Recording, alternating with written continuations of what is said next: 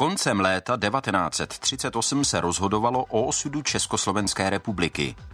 Požadavky sudeckých Němců se stupňovaly, hrozila válka, které chtěli Britové a Francouzi za každou cenu zabránit. Do Československa dorazil na zvláštní diplomatickou misi Walter Ranciman, první Vicomte z Doxfordu, zkráceně Lord Ranciman. V dnešním pořadu Historie Plus se zaměříme na to, jak se část českých šlechtických rodů snažila marně Rancimena přesvědčit, aby okleštění Československa britské vládě nedoporučil. Historie Plus.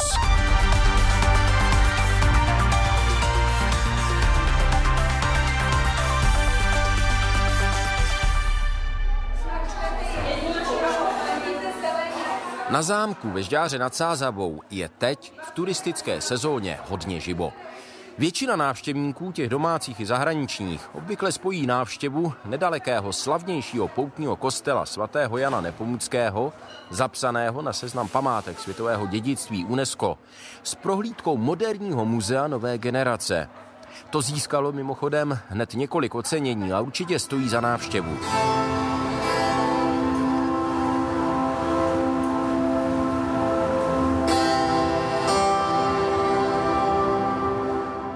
Velmi originálním způsobem pojatá multimediální expozice přibližuje starší dějiny a život někdejšího cisterciáckého kláštera a samozřejmě také dílo architekta Jana Blažeje Santiniho. Jen málo kdo z návštěvníků ale ví, že se právě tady, ve zdech tohoto zámku, jednoho letního víkendu roku 1938 tak trochu rozhodovalo bez nadsázky o osudu Československa a vlastně celé Evropy. Předci dnešních majitelů sem totiž pozvali muže, který měl v té době moc ovlivnit rozhodování britské vlády, jak názorně ukazuje i dobový britský filmový týdeník. Man who didn't ask for the job steps into the political whirlpool of Europe. Muž, který o to nežádal, vstupuje do víru evropské politiky. Jinými slovy, Lord Ranciman přijíždí do Prahy. Doprovází ho Lady Rancimanová a tým spolupracovníků. A my mu přejeme, aby svůj skoro nadlidský úkol splnil. Lord Ranciman se má pokusit urovnat spory mezi Čechoslováky a sudeckými Němci. Jestli budou obě strany rozumné, může se podařit najít řešení. Jenže kdo je v dnešní době rozumný? Víme, že Lord Ranciman rozumný je, ale co zmů může jeden člověk proti 15 milionům. Ale Československo je výspou demokracie ve východní Evropě. Stojí za to, abychom se ji snažili zachránit. Kdo vlastně Lord Ranciman byl?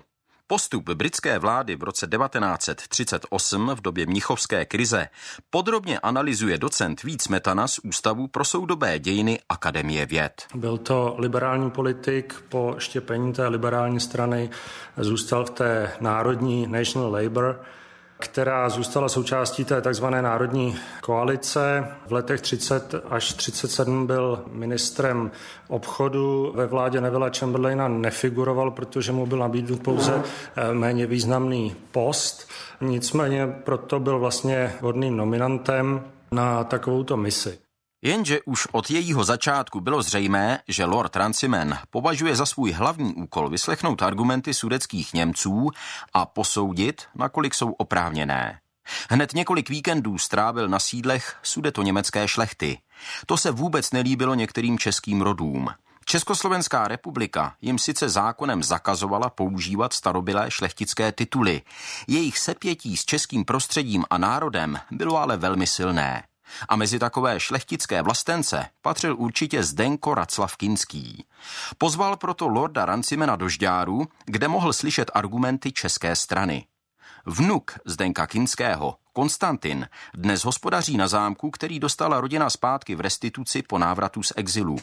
Dědečka, který strávil konec života v Římě, stihl Konstantin Kinský poznat jako mladý jinoch. Dobře si ho pamatuju, protože to byla fakt výjimečná osoba. A dokonce si pamatuju poslední den jeho života, protože právě jsem byl v Římě, kde jsme měli kongres uh, Pueri Cantores. Já jsem byl uh, ve sboru jako mladý kluk a zpívali jsme a tam byl celosvětový sraz u, u Pavla VI. na zahájení svatého roka ve Vatikánu ve svatého Petra.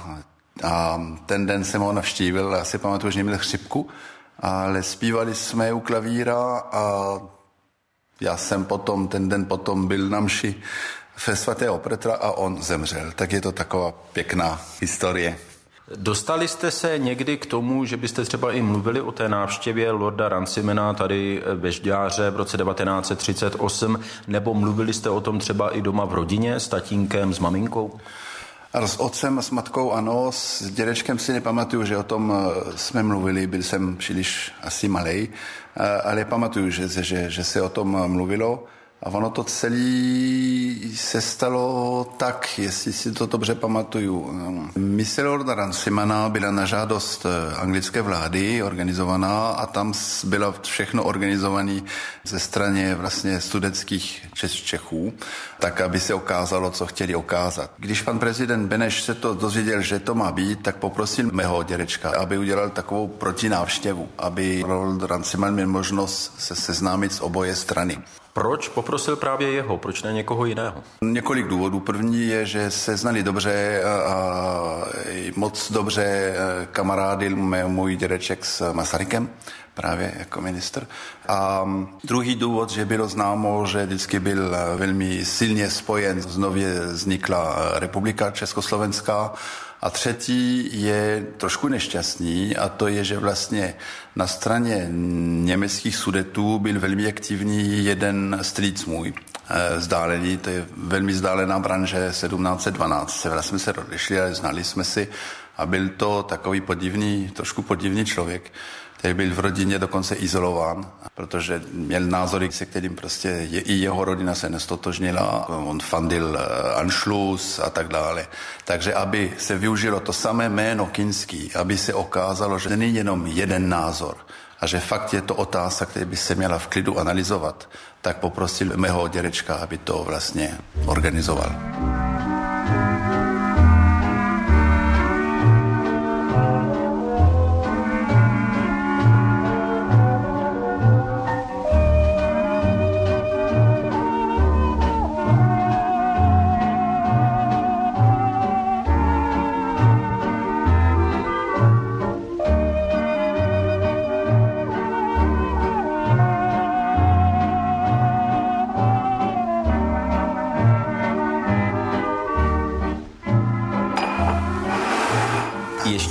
Krátce k osobě vašeho vzdáleného, tehdy příbuzného nebo vzdálenějšího bratrance, vašeho dědečka Zdenka, tedy k osobě Ulricha, česky Oldřicha Kinského. On měl sídlo v České Kamenici, což už tedy bylo v Sudetech, podporoval Henleinovce, snažil se na Lorda Rancimena, ale i na jiné britské šlechtice působit skoro proti československy.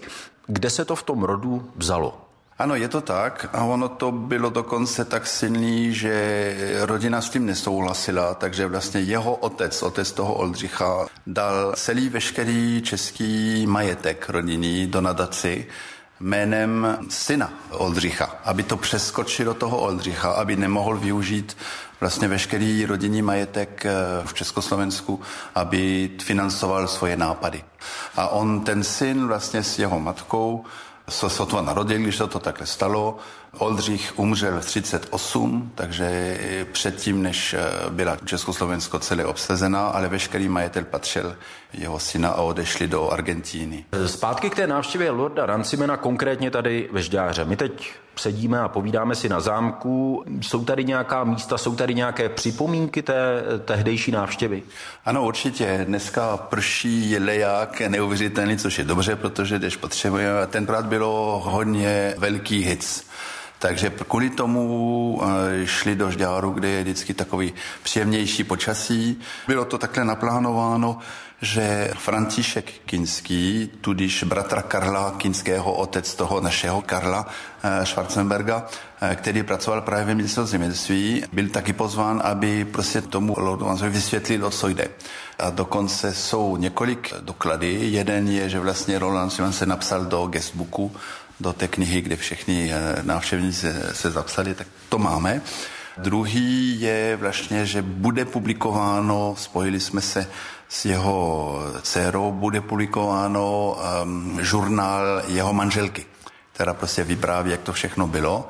A potom třetí zajímavý doklad eh, je nedávno vydaný eh, žurnál od eh, Majskýho. Majský byl velvyslanec sovětský v Anglii, kde to taky popíše, jak to bylo. Když říkáte žurnál, asi myslíte deník. Deník, ano, deník, ano, ano. A on tam právě píše, Majský, což je ověří, co se tuší už, je celkem dobře dokumentováno, že ta mise toho Lolda Rancimana byla vymyšlená ale vlastně výsledek bylo dano, dáno eh, dopředu. Byla vymašlená ze strany Anglie, aby dostali víc času na přípravu. Ale vlastně všichni věděli, že to rozhodnutí nebo to, rozhodnutí, to vyznění Rancimenovy zprávy bude takové, jaké bylo. Přesně tak. A je dokonce, jsou dokonce i doklady, že když přišel zpátky a napsal raport, tak část toho bylo znova napsáno, aby to sedělo s tím, co chtělo anglická vláda. Takže to byla spíš taková, jak se říká český šaráda, tak trošku. Bylo to taktika. Chtěli posunout eh, možnost, že by bude fakt válka eh, z různých důvodů politických. Prvně, protože Chamberlain tak dále věřili, že čas směřuje k míru.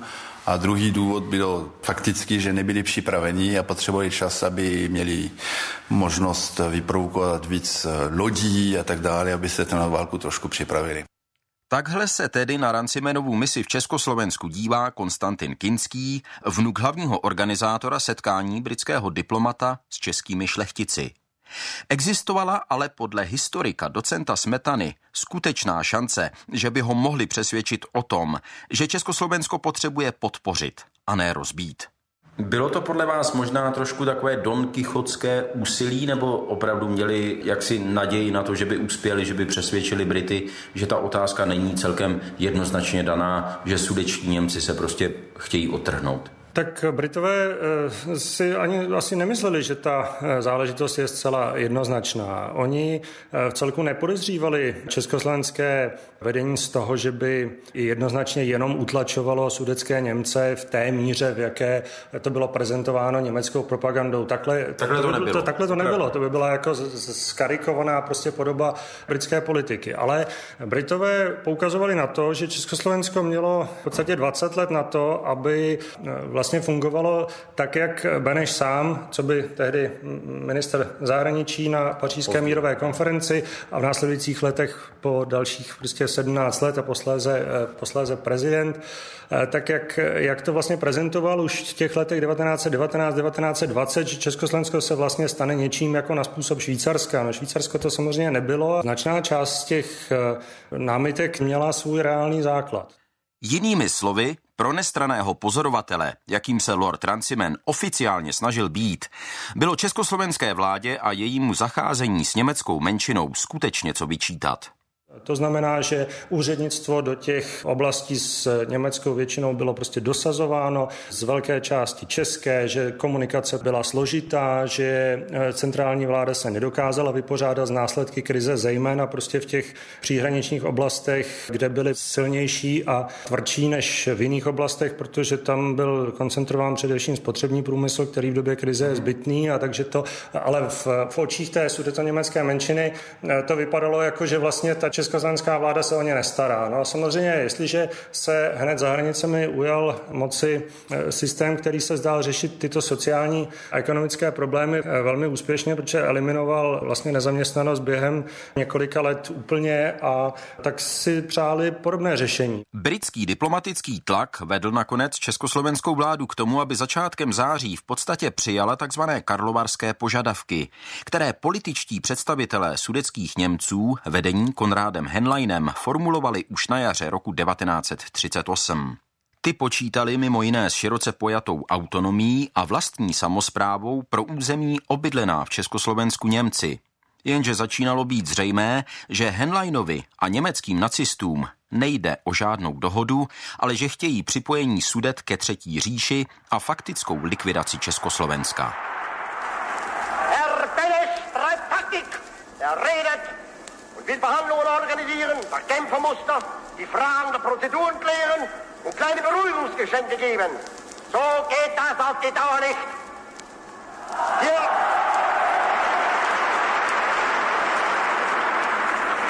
hier handelt es sich nicht um Redensarten, sondern um Recht, und zwar um verletztes Recht.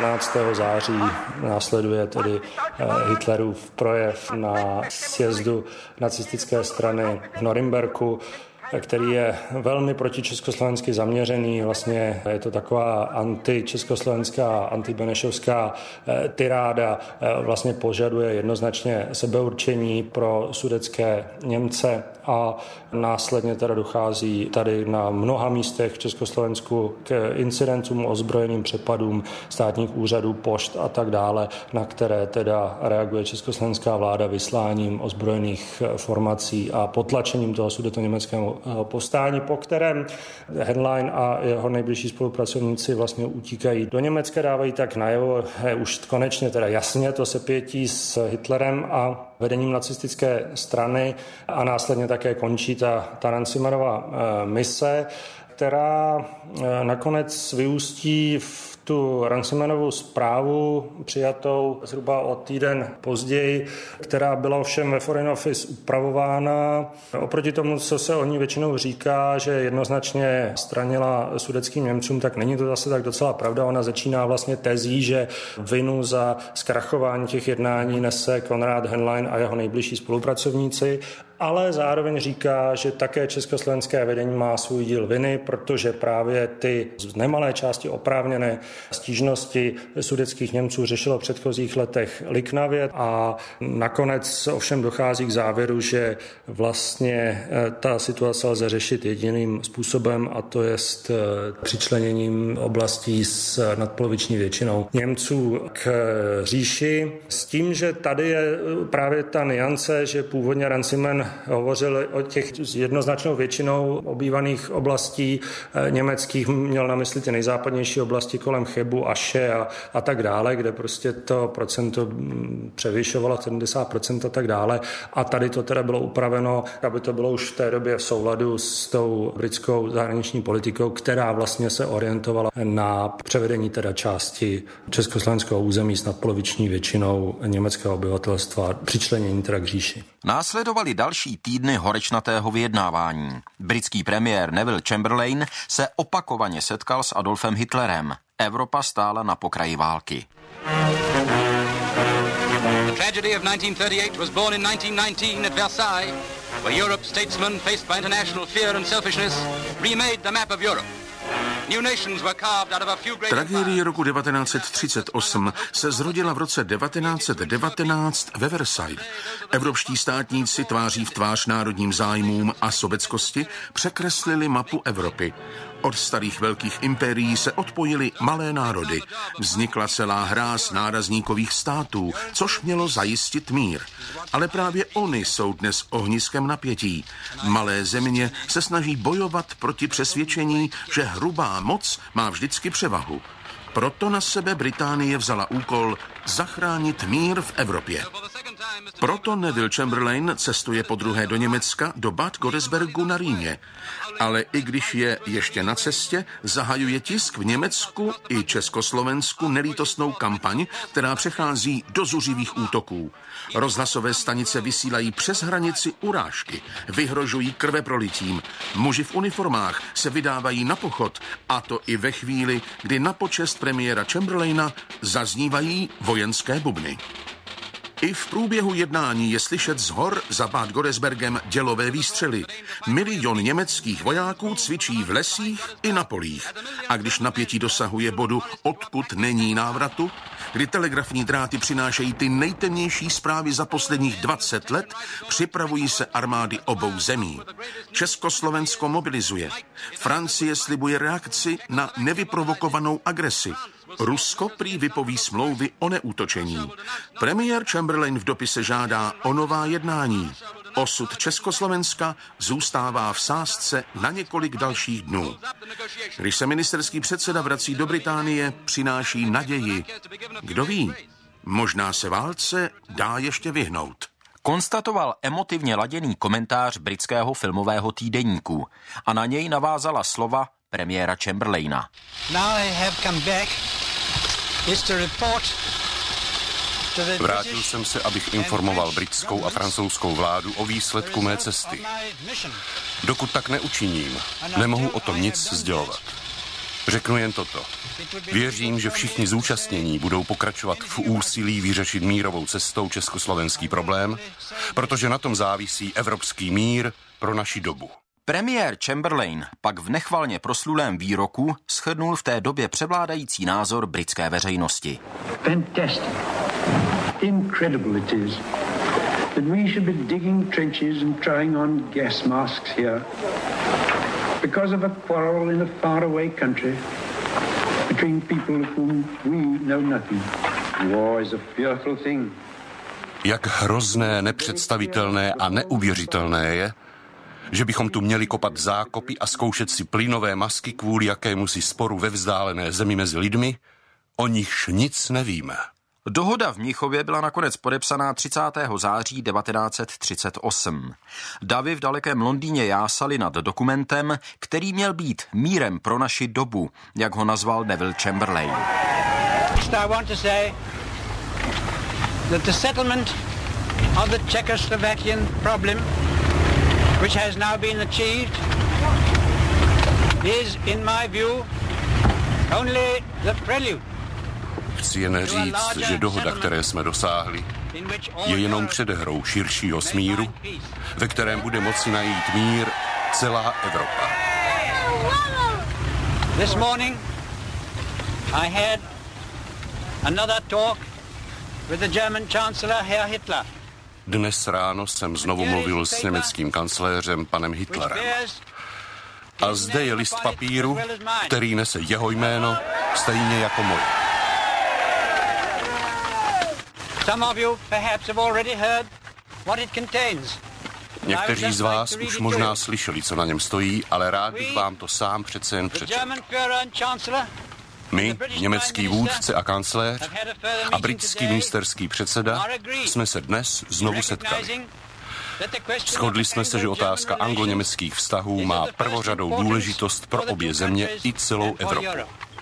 Dohodu, které jsme dosáhli včera večer, stejně jako dřívější dohodu o námořních silách, považujeme za symboly touhy obou našich národů už nikdy proti sobě znovu neválčit. Okleštěném Československu bylo krušno. Zástupci šlechtických rodin, kteří se neúspěšně snažili zapůsobit na lorda Rancimena, se nechtěli vzdát. Zdenko Raclav Kinský inicioval deklaraci pro prezidenta Beneše a potažmo celý národ. Pročítám ji s jeho vnukem Konstantinem. Bez ohledu na výsledek té mise, když už bylo v září 1938 celkem jasné, kam ta situace spěje k odtržení sudet od Československa, tak váš dědeček eh, Zdenko zorganizoval společné prohlášení českých rodů adresované prezidentu Benešovi. Já bych si dovolil kousíček citovat. Pane prezidente, za těchto dnů všechny stavy a třídy našeho národa svorně projevují svou vůli zabrániti porušení starých hranic našeho státu. Proto i řada členů starých rodů naší vlasti nás pověřila, abychom se k vám dostavili s podobným projevem. Věrnost k českému státu, který naši předkové pomáhali budovati a po tisíce let udržeti, je pro nás povinností tak samozřejmou, že jsme se rozmýšleli ji výslovně zdůrazniti považujeme za svou povinnost uchovat dědictví svých otců. To je konec citátu, i když to jak si pokračuje v tomhletom duchu. Kde se ve vašem dědečkovi tohleto vlastenectví vlastně bralo v té době pohnuté? On z toho nemohl jaksi mít žádný profit, že jo?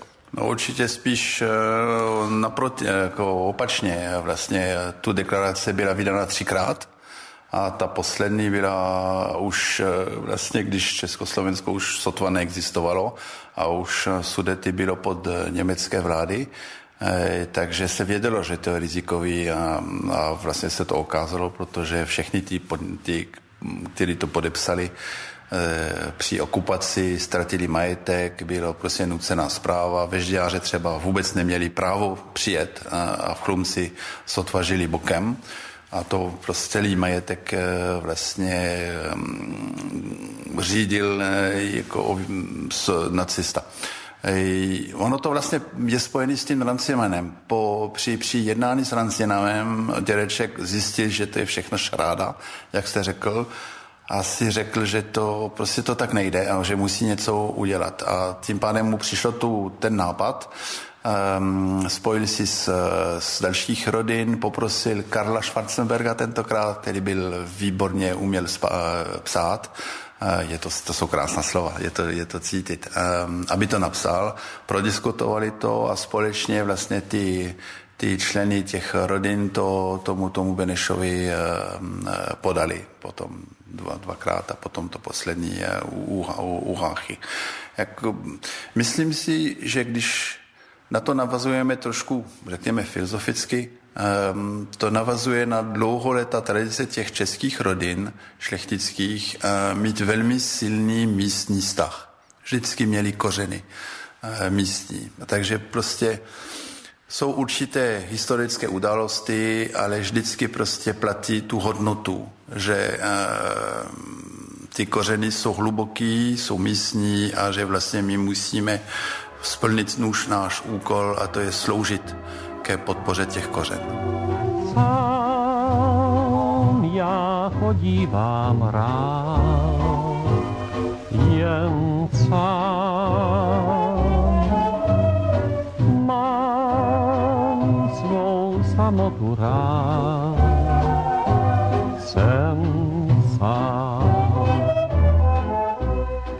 Kinským a dalším českým rodům se pak mstili nejenom němečtí nacisté, ale také komunistický režim. Vzal jim majetek, když neodešli do exilu, živořili někde stranou dění.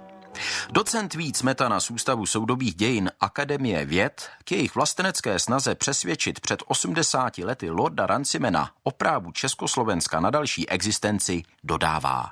Rozhodně to není něco, co by bylo jenom plácnutím do vody. Myslím si, že to bylo autentické vyjádření jejich, jejich národního postoje a je dobré, že na to poukazujeme, protože tak, jak samozřejmě ten obraz té šlechty byl formován během těch 40 let před rokem 89, jakože šlechta byla vždy zrádná a cizácká, tak zdaleka, zdaleka to není a nebyla pravda.